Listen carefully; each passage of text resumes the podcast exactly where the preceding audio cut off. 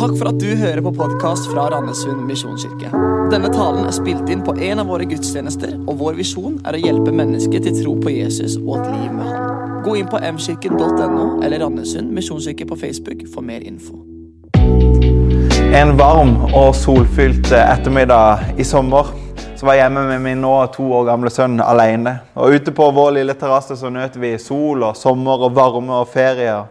Joel han fikk sprade rundt bare i bleia, koste seg masse, for han hadde fått leke med det beste leketøyet i verden hageslangen.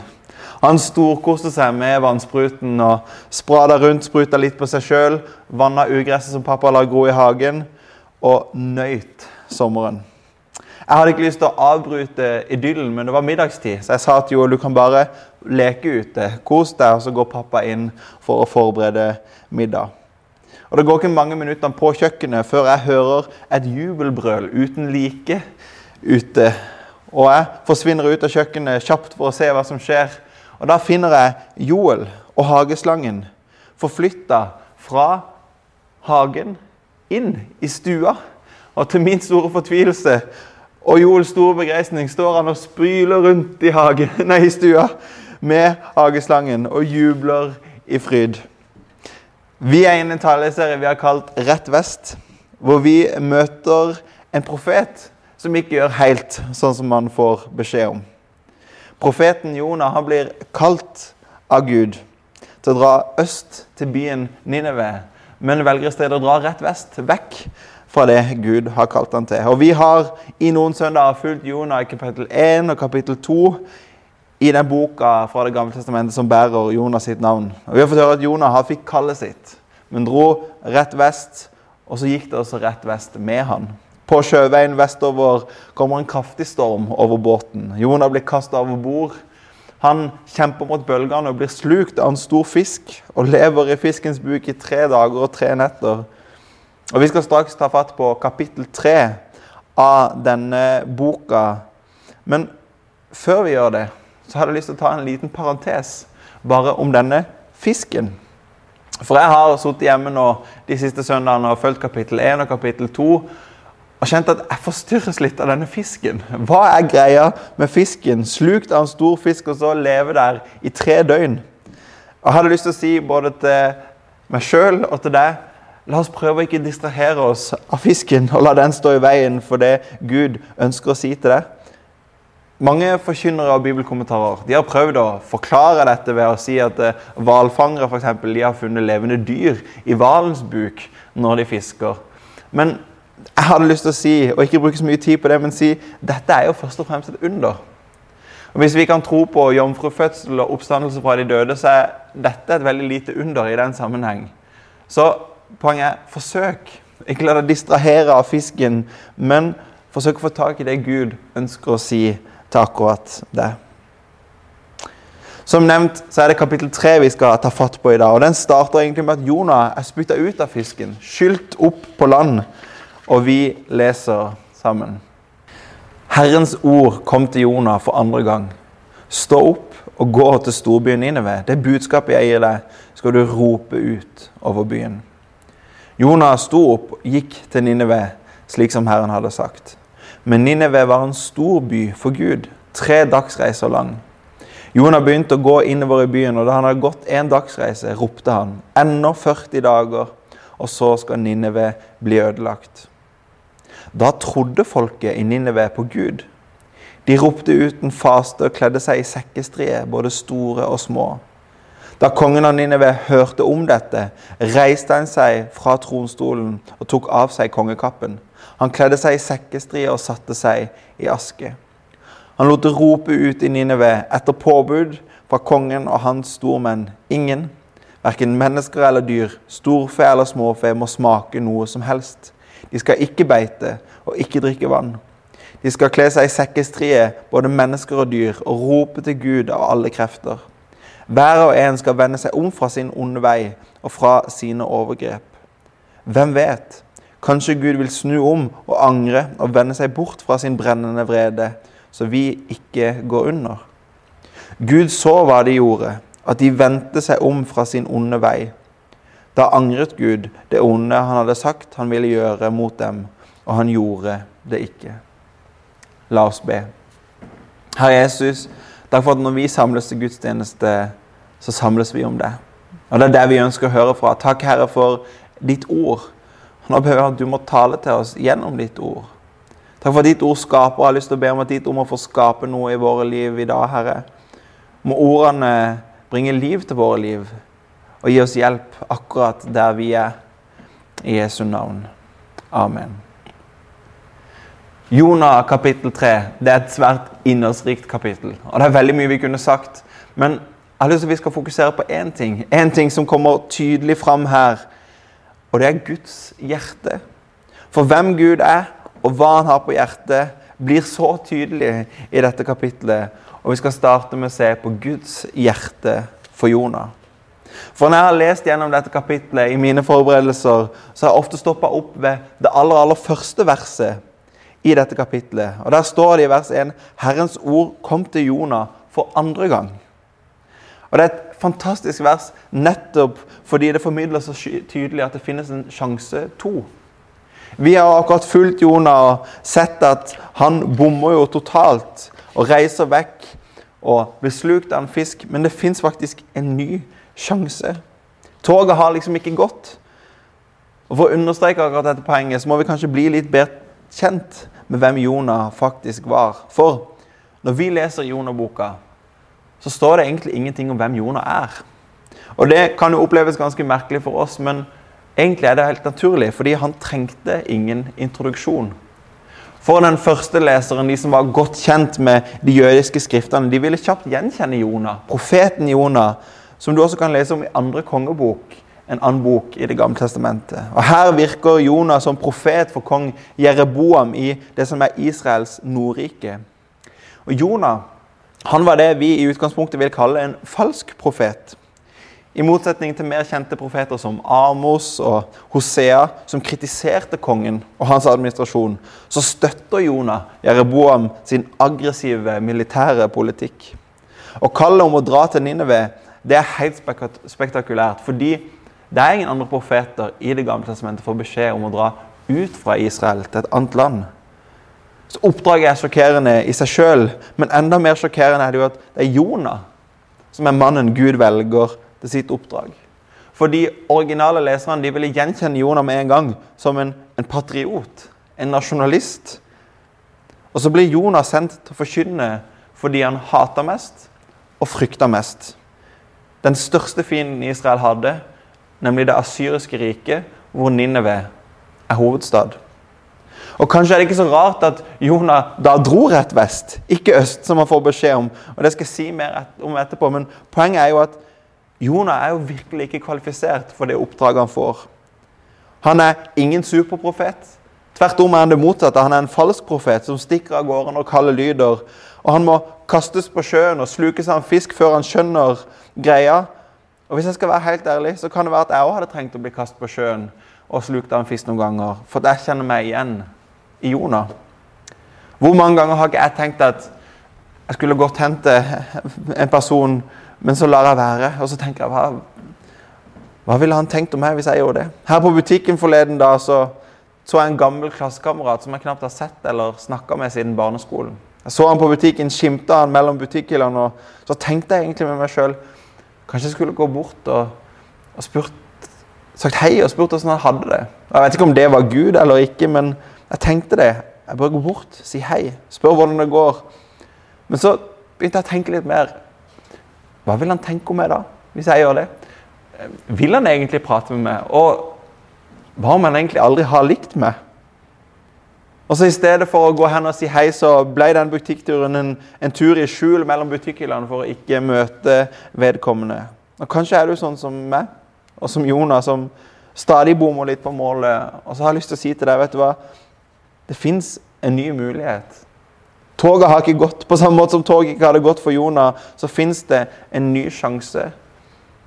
Kanskje har du faktisk opplevd at Gud kaller deg til noe helt spesielt. Men du har ignorert kallet i mange år. Og så har jeg lyst til å si at Guds ord kan komme til deg på ny, sånn som du gjorde for Jonah. Toget er ikke gått. Og I vers 1 så er det akkurat som Gud sier til Jonah Jonah, byen står der fortsatt. Det fins fortsatt en ny sjanse. Du kan få lov til å gå. Jonah han er ikke kvalifisert for sitt oppdrag. Og Kanskje føler du deg ganske ukvalifisert der du sitter hjemme, du også. Kan Gud ha hjerte for meg?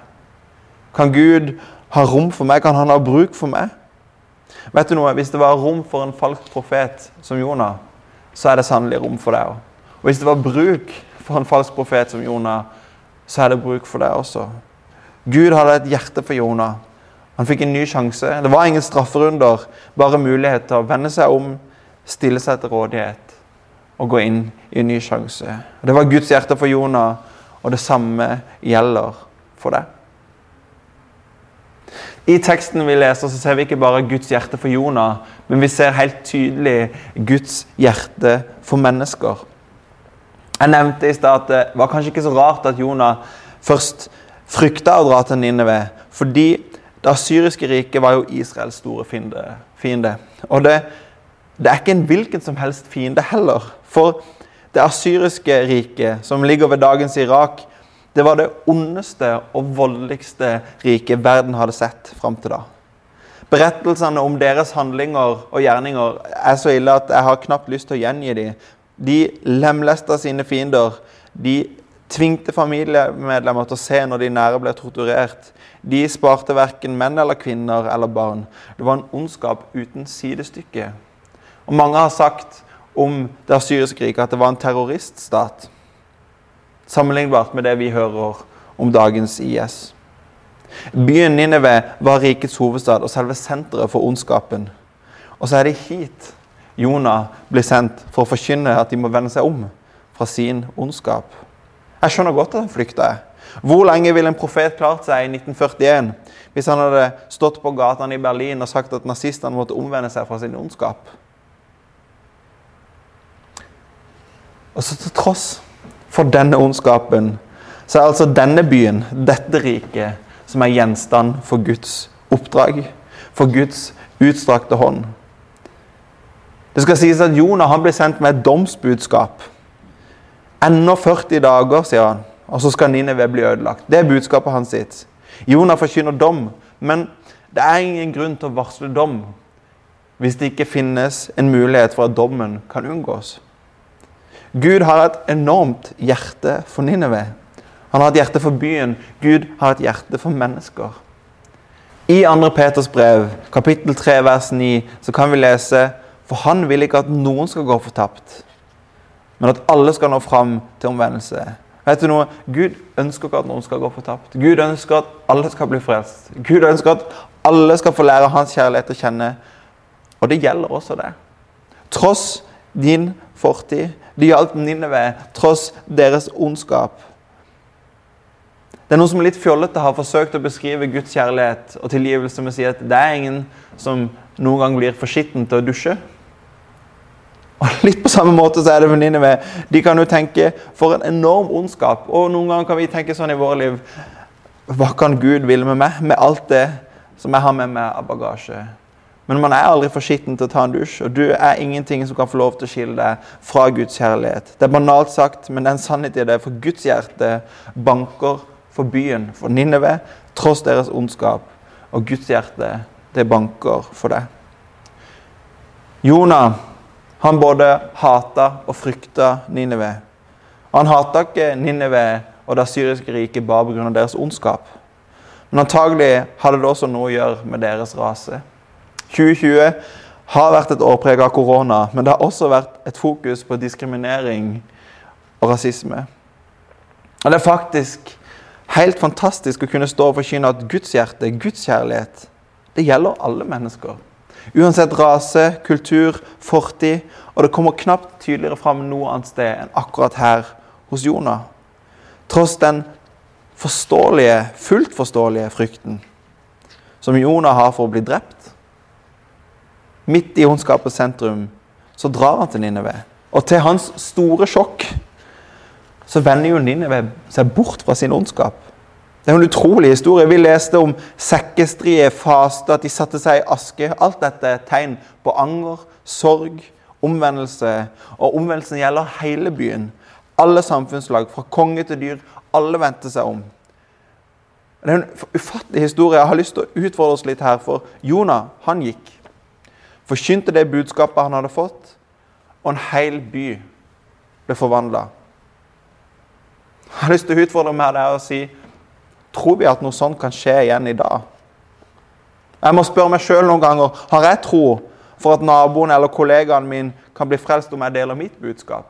Har du tro for din nabo, for din kollega, om du deler det som Gud har lagt på ditt hjerte?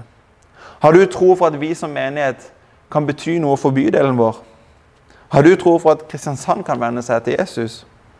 Tror du at Oslo kan vende seg til Jesus, eller er det bare Kristiansand folk blir frelst? Gud har et enormt hjerte for mennesker. For alle mennesker. Uansett etnisitet, kjønn, sosial status, uansett fortid. Og Det er dette hjertet som vi forsøker å slå i takt med når vi som menighet sier at vi ønsker å hjelpe mennesker til å tro på Jesus. Og et liv med Han. Vi ønsker å hjelpe mennesker til å tro. Og vi tror at mennesker kan bli frelst også i dag. Og Hvert år ser vi faktisk både ungdommer, studenter og voksne komme til tro. Og du skjønner Gud han er fortsatt den samme. Se på den talen som Jonah holder. Og hvis jeg skal være helt ærlig, Den er ikke særlig imponerende. Det er to setninger. Men byen ble forvandla. Ikke fordi at Jonah talte så fantastisk, ikke fordi at hans budskap var enestående, men fordi at Gud er enestående. Gud forvandler byen når vi er villige til å dele. I Lukas 18 så spør disiplene Jesus hvem kan bli frelst. Hvem kan da bli frelst? Og Jesus han svarer det som er umulig for mennesker, det er mulig for Gud. Og Gud han er fortsatt den samme i dag. Har vi tro for det? Jeg har snakka om Guds hjerte for Jonah og Guds hjerte for byen, for mennesker. Og har til slutt lyst til å snakke litt om Guds hjerte for deg. For Gud han er en gud av nye sjanser. Og det finnes en ny sjanse for deg. Guds hjerte det gjelder alle mennesker, uansett opphav og fortid. Og Guds kjærlighet den gjelder også det. Og I slutten av Jonah kapittel 3 så leser vi at kongen i Nineve stiller et retorisk spørsmål. Han sier 'Hvem vet?' Kanskje. Kanskje Gud vil snu om. Han spør egentlig 'Hvem vet?' Kanskje vil Gud vise nåde. Kongen måtte spørre 'Hvem vet?' Men faktum er at vi vet at Gud viser nåde. Du skjønner, Jesus han er den profeten som Jonas skulle vært. Jesus han er den profeten som Jonas skulle vært, og samtidig uendelig mye mer. Jesus han hadde ikke bare et hjerte for oss, men han døde for oss. Og I kapittel 4, Jonah kapittel 4, som vi skal se mer på neste helg, så forteller det at Jonah han gikk ut av byen i håp om at byen Nineve skulle dømmes. Men den sanne profet Jesus han gikk ut av byen bærende på et kors. han. Et kors han valgte å dø på i vårt sted, for min og din frelse. Det er vår Gud. Det er vår frelser. Og det er han som har et hjerte for deg. Jeg vet ikke hvordan dette lander hos deg. Om det er noe som berører deg av det du hører. Jeg vet ikke hva det er som berører, men jeg har et håp om at inn i denne søndagen, inn i den uka som du har foran deg, så kan du vite at Gud han har et hjerte for deg. Hos han er det en ny sjanse. Toget har ikke gått. Du trenger ikke å skamme deg over din fortid, for det trenger ikke å være din framtid. Guds hjerte og hans kjærlighet, det gjelder det. Guds hjerte gjelder naboen din, kollegaen din. Og kanskje er det noe for hans hjerte som du kan formidle til dem. Hvor enn du er, hva enn som foregår i ditt liv akkurat nå, så har Gud et hjerte som banker for deg. La oss be. Herre Jesus, jeg takker deg for at ditt hjerte gjelder oss. Det gjaldt Jonah, Herre, det gjaldt dine ved, og det gjelder alle mennesker. Jeg takker deg for din kjærlighet til oss, ditt, din utstrakte hånd, ditt ønske om å møte oss der vi er. Og så har jeg lyst til å be Jesus, la oss få tak i ditt hjerte for oss. La oss få kjenne på ditt hjerte og din kjærlighet for oss. Og hjelp oss, Herre, til å dele det vi har fått. For du har et fortsatt ønske om at mennesker skal få se din kjærlighet. At byer skal få se hvem du er. Det som er umulig for mennesker, det er mulig for deg. Jeg takker deg for det i Jesu navn. Amen.